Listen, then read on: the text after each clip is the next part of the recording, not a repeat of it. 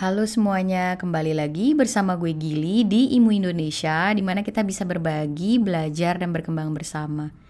Di episode kali ini gue kedatangan tamu spesial yaitu tim produksi dari YouTube channel Kids Garden.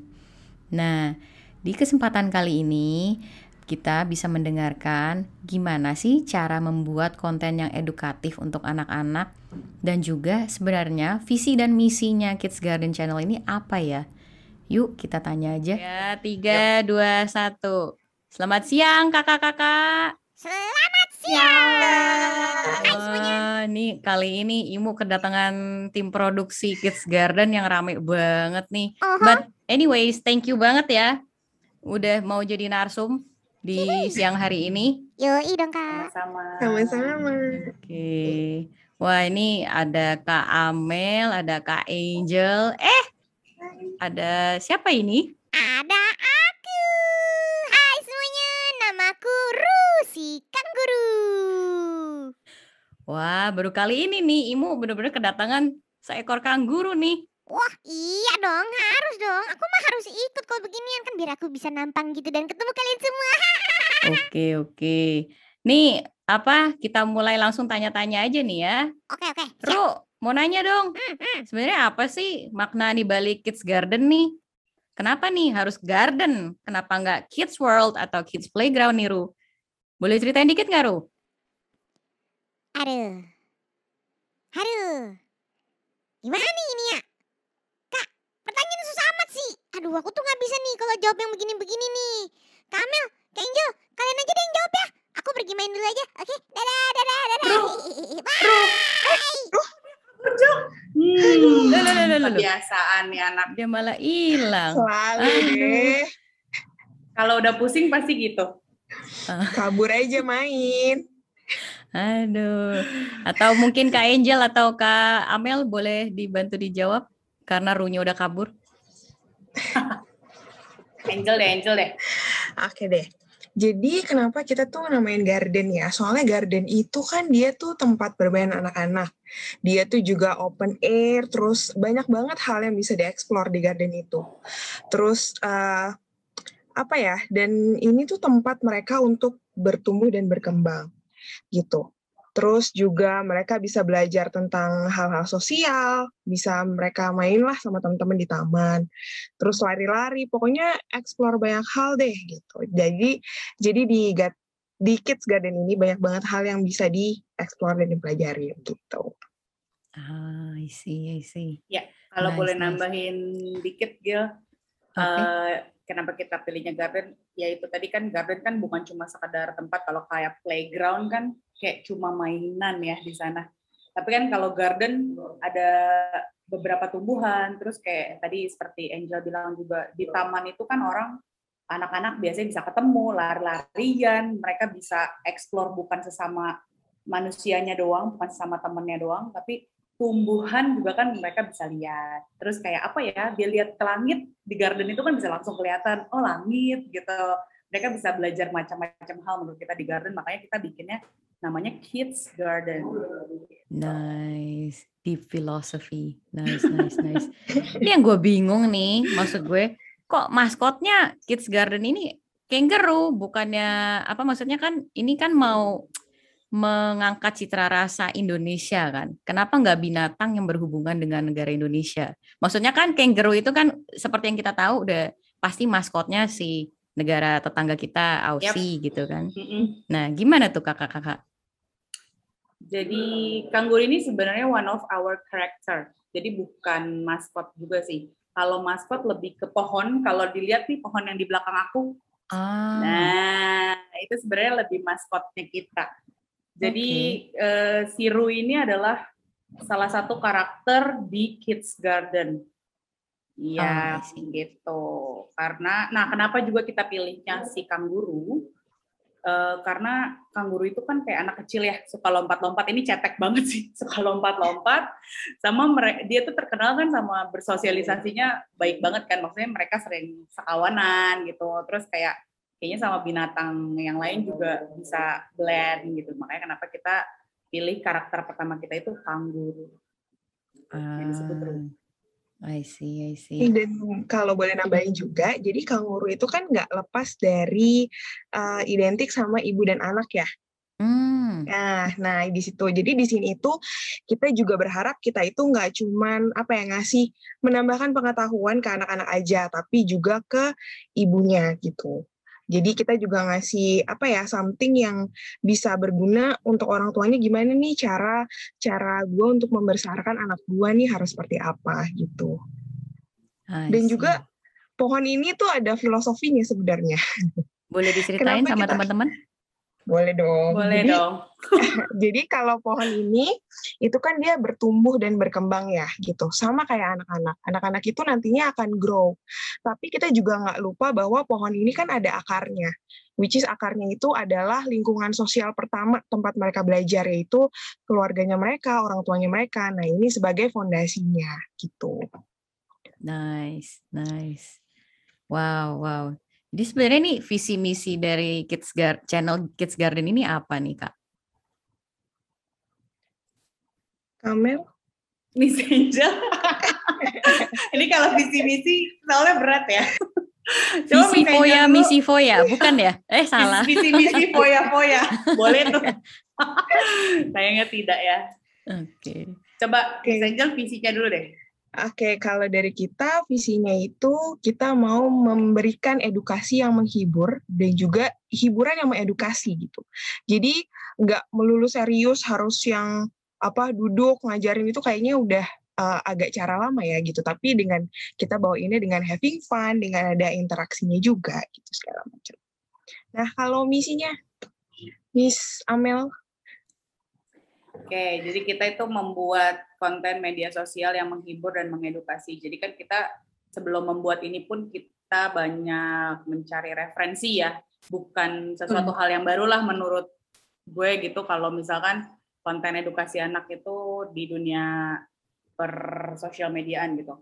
Jadi kita juga melihat referensi-referensi yang ada. Cuma banyaknya eh, terlihatnya kalau misalkan kayak lagu, lagu semua Terus kalau misalnya eh, ada yang lesson, tapi lesson semua gitu kok nggak ada yang di tengah-tengah ya? Mungkin ada, tapi eh, maksudnya nggak banyak gitu. Akhirnya kita bikin sesuatu yang baru, kita raciklah semua yang ada gitu. Kita kepikiran kayak gimana kalau kita bikin eh, sesuatu yang masih mengedukasi, tapi tetap disukai anak-anak. Karena kan ini juga terinspirasi gara-gara kemarin kan setahun kita udah setahun atau dua tahun ya belajar online.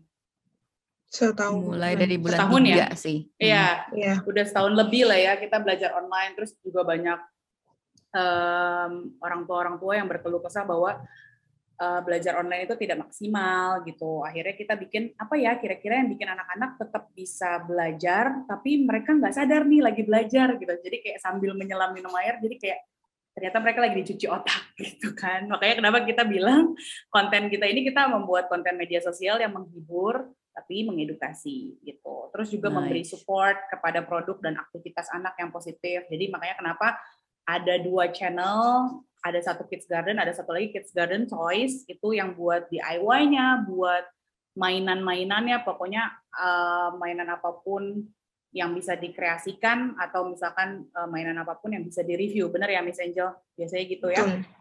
Terus Betul. sama lagi memberi konten yang berupa musik dan animasi. Eh, jadi kontennya nggak cuma sekadar nyanyi-nyanyi-nyanyi, tapi ada yang bisa dipetik juga kayak gitu. Terus eh, memberi konten yang fresh sesuai dengan zamannya sekarang tuh apa sih gitu. Jadi kita tetap catch up nih, tetap sekarang pun kita juga masih apa ya memperbarui memperbarui terus mengupdate terus apa yang ada di sosial mediaan kita kejar terus sih gitu. Jadi benar-benar em, memperbarui teruslah apa yang sekarang eh, zaman didikannya gimana sih gitu. Tapi intinya adalah eh, seperti yang tadi Miss Angel bilang kita mengedukasi dengan cara yang menghibur dan hiburan yang mengedukasi sehingga anak-anak nggak sadar bahwa oh ini tuh lagi belajar gitu. Oh, Oke. oh ini tuh lagi diajarin sesuatu gitu. Kita berharapnya anak-anak setelah nonton Kids Garden bisa mendapatkan sesuatu yang bermanfaat buat mereka sih. Hmm, ini menarik nih. Edukasi yang bermanfaat tapi lewat sosmed gitu ya. Betul. Jadi kira-kira seperti apa nih boleh dicontohin nggak? apa yang kalian dari produ apa tim produksi Kids Garden ini ajarin ke anak-anak lewat channel? Hmm. Oke, eh, si Ayo, siapa dulu? Siapa ayo? Sweet, sweet, sweet. Wait. Angel ya, Angel dulu Angel. Karena aku melengkapi kali ini. Kalau dari aku sih kita berusaha untuk menyampaikan satu ciri khas ya dari eh, dari lessonnya kita sendiri gitu. Kalau dari kita, kita tuh ada tiga subkategori kan.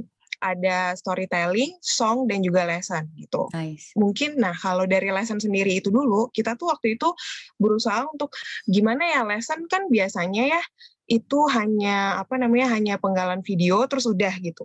Tapi di sini kita berusaha untuk gimana supaya kita tuh mirip kayak di sekolah. Jadi kalau di sekolah kan kita ada hai hai, ada hello-nya, terus pelajaran, terus udah selesai. Nah di sini kita berusaha untuk oh ya kalau dilihat dari lesson kita, jadi kita tuh nggak cuman plek-plek lesson aja, tapi kita oh ya sebelum lesson tuh kita harus say hello hello dulu. Jadi anak tuh juga tahu, oh kita udah mau mulai belajar nih gitu. Setelah itu kita sampaikan lessonnya tuh seperti apa dengan dalam bentuk cerita, terus animasinya juga kita cocokin gitu. Dan juga ada nggak ketinggalan kita masukin lagunya karena anak-anak itu kan identik dengan dengan nyanyi dengan lagu supaya mereka juga belajarnya lebih cepat dan secara linguistik mereka juga bisa terbantu gitu.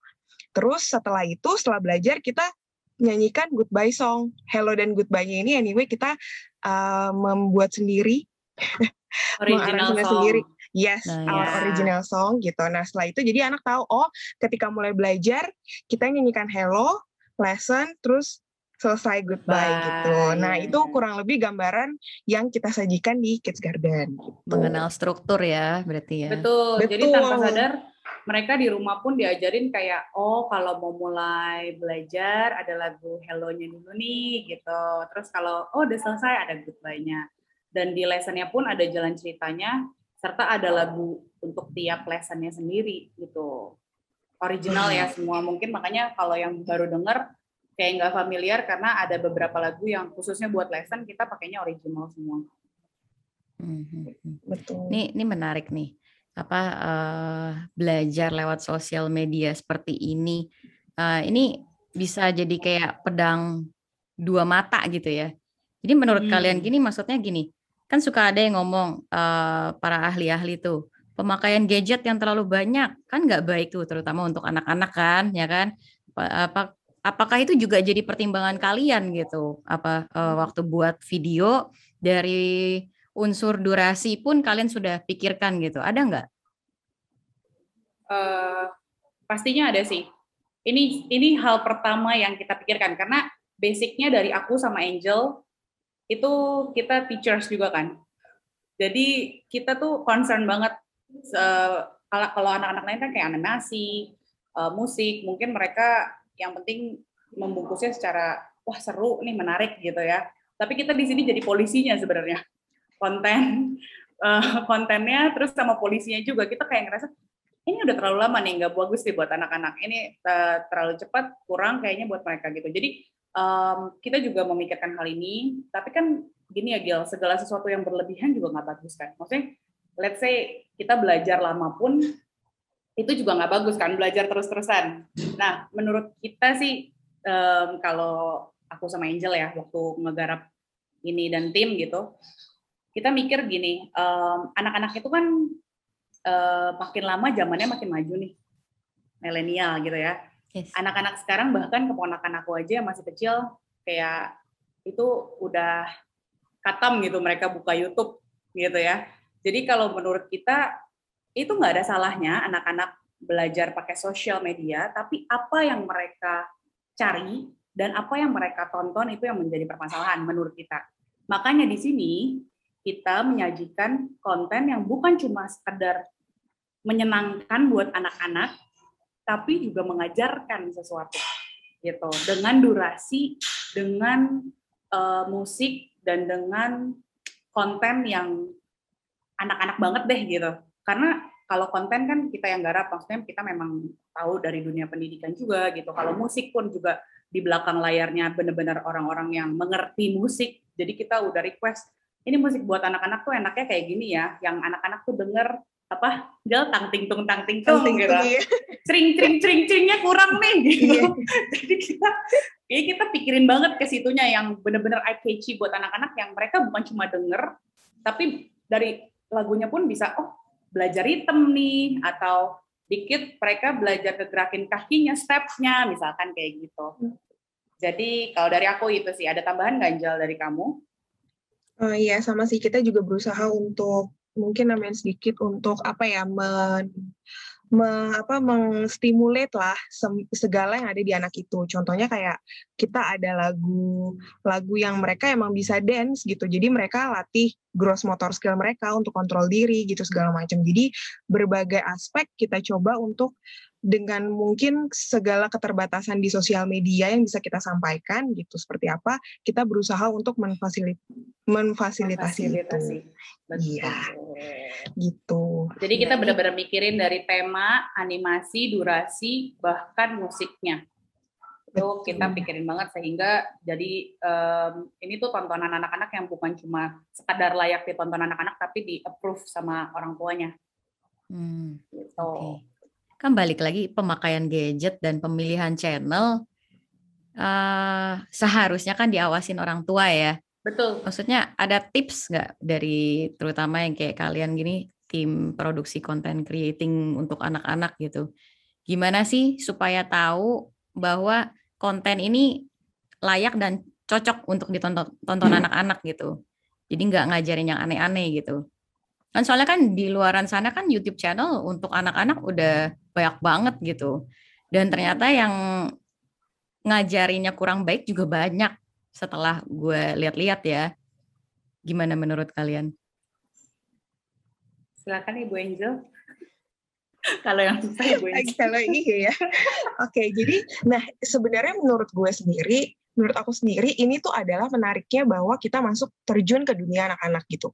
Karena kita tuh nggak cuma sekedar untuk meng apa menyajikan sajian itu untuk anak-anak, tapi untuk gimana cara kita untuk menyampaikan ke parentsnya, untuk memberikan pengetahuan ke parentsnya, ini adalah hal yang menarik banget. Nah kalau kalau misalnya dari aku pribadi, orang tua emang harus smart banget sih sekarang gitu. Dengan mungkin eh, apa ya nggak cuman sekedar sekedar ngasih tontonan itu, tapi juga mungkin mereka bisa nonton dulu nih apa sih sebenarnya misalnya kayak lesson lesson lesson lesson yang ada gitu gimana cara mereka menyajikannya terus juga durasinya berapa lama terus eh, apa namanya juga isinya seperti apa dan formatnya seperti apa menurut aku orang tua bisa tahu. dulu nih ya Cari cari, tahu. tahu. terus juga ngeliat dulu mungkin eh, screening dulu kali ya ini tuh di Hmm. dalamnya ada konten-konten yang mungkin mungkin menurut si konten creator ini baik tapi belum tentu itu sesuai Value-nya sama cocok. value orang tua gitu ya hal-hal seperti itu sih yang harus ini gitu Intinya parents Hmm. harus screening dulu ya. yes Betul. Parents Ha, harus karena- ada andil. iya karena anak itu kan sebenarnya cuman apa ya mereka kan oh ya udah gue dikasih ini ya udah gitu karena mereka belum belum punya uh, pengetahuan yang yang Baik apa yang buruk. begitu kaya gitu ya Mm-mm. tahu apa sih yang harus gue lakukan apa yang boleh dan enggak gitu Ya, atau mungkin pas mereka buka YouTube, eh ini terlihatnya animasi gitu kan. Tapi Yes. ternyata bukan untuk anak-anak kan banyak Yes. juga kan. Tapi kan anak-anak Hmm. belum ngerti. Mereka belum tahu eh, hal ini gitu. Jadi hmm, pentingnya orang tua mendampingi atau pentingnya orang tua memberikan mereka, oh ini dek nonton yang ini aja ya itu sih menurut aku. Ya, ini catatan penting ya buat teman-teman IMU di sini ya. Soalnya gue pernah kedapatan murid gitu ya. Dia nontonin kartun yang itu loh, yang apa ada uh, what guy gue lupa yang double chin itu loh. Mhm. Nah, itu kan sebenarnya konten untuk anak-anak yang udah dewasa gitu, Aha. tapi ditonton sama anak apa di bawah umur 15 dan orang tuanya mikir ah dia mah nonton kartun doang. Kartun ya. Ah, Tanpa gitu. tahu ceritanya ya. Yes, betul, betul. Aduh, oke, oke. Jadi ini eh, di Kids Garden ini apakah kalian akan mengenalkan root budaya Indonesia kepada anak-anak melalui channel ini? tentu Pastinya. Pastinya kita akan ke sana. Jadi awalnya memang kita mikir kan eh, kita pengen bikin bilingual. ada sih, ada. Cuma ternyata makin kemari kita makin concern nih kayak, ih kayaknya eh, namanya kita uh, anak baru ya di dunia per sosial mediaan gitu ya. Tapi kan kita nggak mau belajar, nggak mau berhenti belajar, nggak mau berhenti tutup mata sampai ah kayaknya ide kita yang paling bagus deh enggak gitu. Jadi kita mencari tahu, mencari tahu, mencari tahu. Kita juga lihat sekitar kita gitu, kita belajar apa yang dibutuhkan sih sama masyarakat sekarang, apa yang dibutuhkan sih sama orang tua sekarang, apa yang dibutuhkan sih sama anak-anak sekarang. Itu kita observe semuanya. Itu tugas tim inilah gitu kan. Jadi kita lihat kayaknya uh, sekarang itu budaya-budaya Indonesia udah mulai kurang ya. Apalagi dulu kan kalau masih kecil kita banyak banget lagunya kayak banyak banget kayak satu-satu aku sayang ibu lah atau pelangi-pelangi lah gitu. Jadi kita ada kerinduan ini lucu juga ya kalau misalkan kita membawakan lagu lama dengan aransemen yang lebih milenial karena anak-anak sekarang kalau misalkan dengar yang aransemennya jadul mungkin mereka juga kurang menarik. Jadi kita mencoba nih buat engagement anak-anak dengan new arrangement gitu. Sama uh, kita coba lagi bawa cerita rakyat dari Indonesia kayak apa ya? Waktu itu Maling Kundang ya. Maling Kundang, Luto Kasarung. Luto Kasarung, kalau ya Luto Kasarung gitu. Jadi jadi biar mereka tahu uh, kalau dulu kan kita kan ada ceritanya di sekolahan. Kalau sekarang mungkin udah agak kurang ya. Um, jadi terus kalau dulu kayak karya wisatanya bisa yang jauh-jauh ke Bandung atau ke mana sekarang apalagi pandemi kayak gini mereka terbatas banget kan jadi kita pengen bawa intinya uh, budaya Indonesia ke dalam layar mereka lah sebisa mungkin kita mengajarkan mereka nice nice ini gue tarik nah. sedikit balik ke yang tadi lu mention bil, by, apa bilingual ya uh -uh ini menjadi concern gak sih menurut kalian gitu? Maksud gue anak-anak Indonesia tinggal di Indonesia, ini yang sedihnya kadang gue nemu murid begini. I nggak ngerti bahasa Indonesia. Nah, terus gue yeah. juga iya. bingung. Dia ngomong begitu, I nggak ngerti bahasa Indonesia. Cuman yang dipakai Inggrisnya cuman I-nya doang, belakangnya nggak ngerti bahasa Indonesia.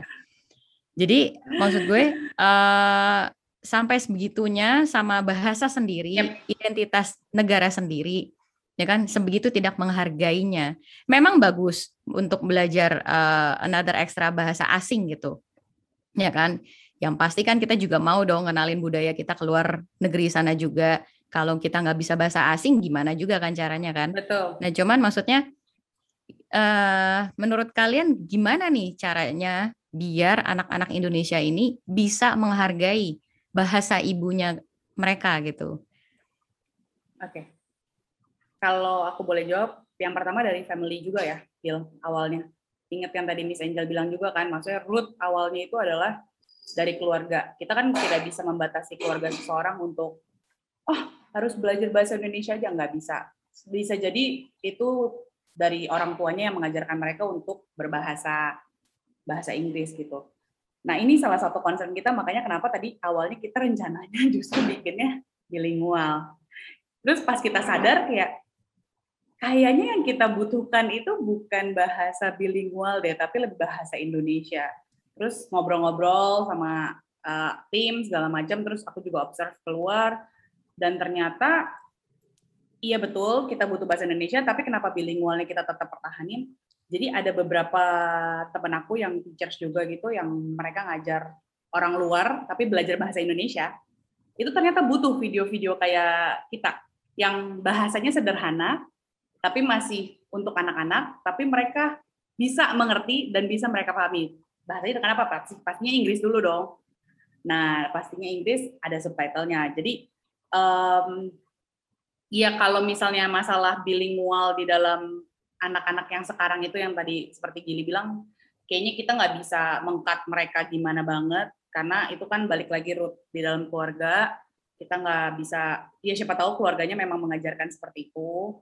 Tapi yang bisa kita berikan impact ke mereka adalah um, bagaimana cara berbahasa yang baik dan benar gitu sih. Nah ini yang kita mau tanemin di video-video kita juga kalau misalkan tadinya ada bahasa Inggris Ya, sekarang kita mau mulai masuk ke bahasa Indonesia dengan bahasa Indonesia yang baik dan benar. Tuh. Yang sederhana tapi bisa dipahami. Itu kali Angel ada tambahan, Jel? Iya, betul. Aku sama. Sudah dicakup semua dengan Miss Amel.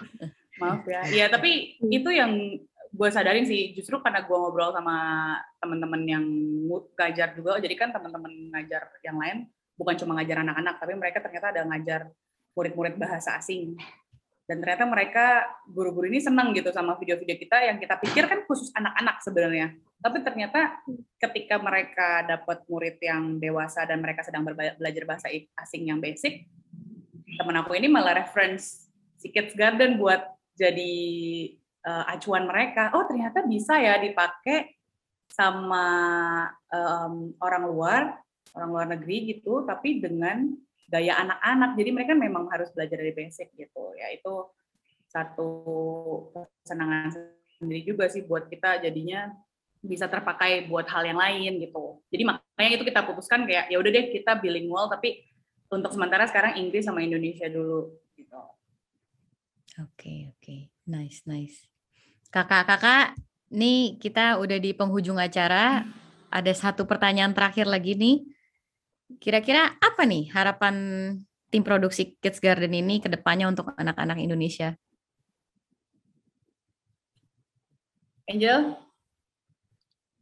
Oke, kalau dari aku harapannya uh, melalui channel kita itu anak-anak tuh bisa belajar sesuatu dengan cara yang fun, dengan cara yang baru dan dan apa ya dan pokoknya gembira lah having fun bener-bener di sini gitu itu yeah. kalau dari aku kalau dari aku juga sih karena kan kita udah samain ya harapan kita buat anak-anak.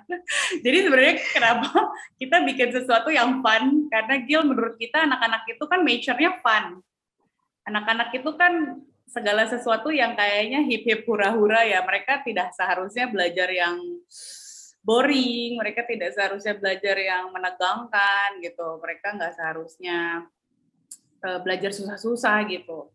Jadi kita berharap dengan adanya video-video dari Kids Garden um, dengan durasi yang singkat, tapi bisa uh, bisa memberikan edukasi dengan cara yang menghibur untuk anak-anak yang yang tadi kita bilang juga yang tanpa sadar anak-anak itu ternyata bukan cuma nonton tapi lagi belajar loh gitu hmm. itu sih soalnya kita concern banget nih sama uh, anak-anak yang mm, naturalnya memang mereka anak-anak gitu. Mereka harusnya do something fun gitu.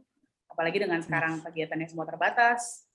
Sekarang semua kegiatan cuma dari rumah gitu kan. Kita pengen banget bisa membawa kebahagiaan lewat konten-konten kita lah buat anak-anak dan juga orang tuanya. Nice, dan nice. dan itu tadi sih kayak sebenarnya belajar itu nggak cuma dari lesson aja, tapi dari lagu-lagu yang ada. Uh, mereka juga bisa belajar body and movement mereka. Itu kan juga suatu hal yang sebenarnya sangat-sangat perlu dan basic banget banget untuk dipelajari sama anak-anak gitu. Gimana mereka kontrol badannya. Ya kalau nggak, gimana mereka lari nggak ngerti cara stop kan?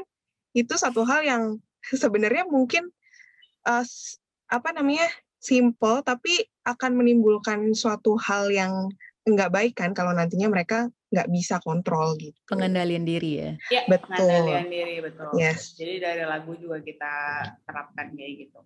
Iya. Nice, nice. Oke, Kak Angel, Kak Amel, thank you banget buat sharingannya, buat waktunya. Jadi kalau teman-teman imu di sini nanya gitu, eh Gil, mau dong uh, nonton apa channelnya Kids Garden? atau mungkin pengen ngajak collab gitu sama tim produksinya Kids Garden, bisa hubungin ke mana nih? Silakan Miss Angel. Boleh, kalau misalnya mau collab atau mau tanya-tanya ke kita, bisa DM aja di Instagram kita at kidsgarden.id. Oke. Okay. Di situ. Atau di email kita juga bisa kan? Iya, bisa. Di kidsgarden.officials at gmail.com. Oke, kalau gitu. Thank you so much kakak-kakak. Semoga tetap sehat, tetap sukses. YouTube channelnya bisa makin dikenal banyak orang lagi ya amin. dan bermanfaat ya. Amin amin amin. Oke. Terima kasih untuk teman-teman Imu Indonesia yang telah menonton podcast kali ini. Jangan lupa klik tombol like dan subscribe. Apabila merasakan manfaatnya, silahkan di-share. Dan jika teman-teman ingin mengikuti perkembangan Imu Indonesia, Silakan follow kami di Instagram @imu underscore Indonesia dan juga bisa di Facebook page kita Intelligence and Music. Sampai jumpa kembali di episode berikutnya.